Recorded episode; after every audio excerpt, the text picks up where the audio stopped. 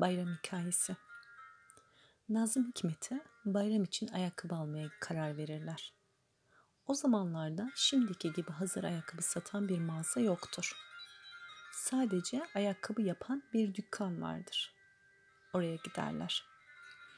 Ayakkabıcı Nazım'ın ayağını bir karton üzerine koyar ve iyice basmasını söyler.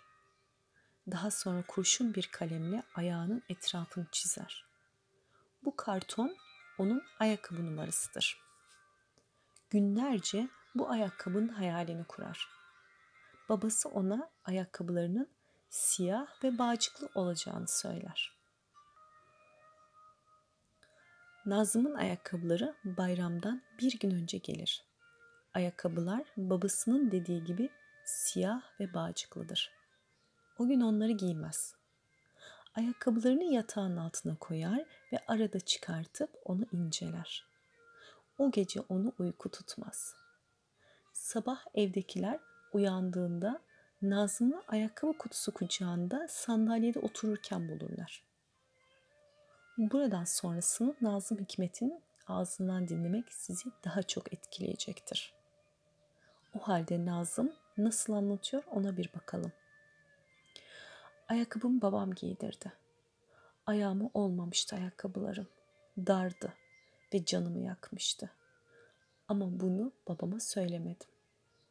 O sıkıyor mu diye sordukça hayır yanıtını veriyordum. Dar, ayağımı acıtıyor desem geri gidecekti ayakkabılarım ve ayakkabıcının hemen yeni bir ayakkabı yapması olanaksızdı. O bayram sabahı canım yana yana yürüdüm. Bir süre sonra acı dayanılmaz oldu. Dişimi sıktım. Yürürken artık toparlıyor, topallıyordum. Soranlara dizimi vurdum dedim.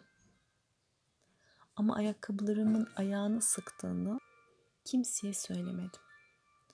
Doğrusunu isterseniz yaşam da dar ayakkabıyla yürümektir.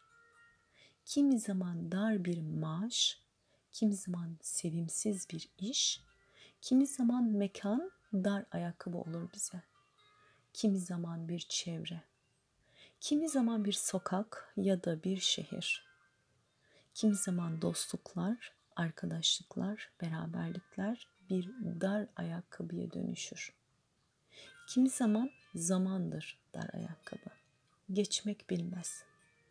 Kimi zaman zenginlik, kimi zaman başınızı koyduğunuz yastık. Canınız yanar. Topallaya topallaya gidersiniz. Sonradan öğrendim. Yaşamın dar ayakkabıyla yürüyebilme sanatı olduğunu. Nazım Hikmet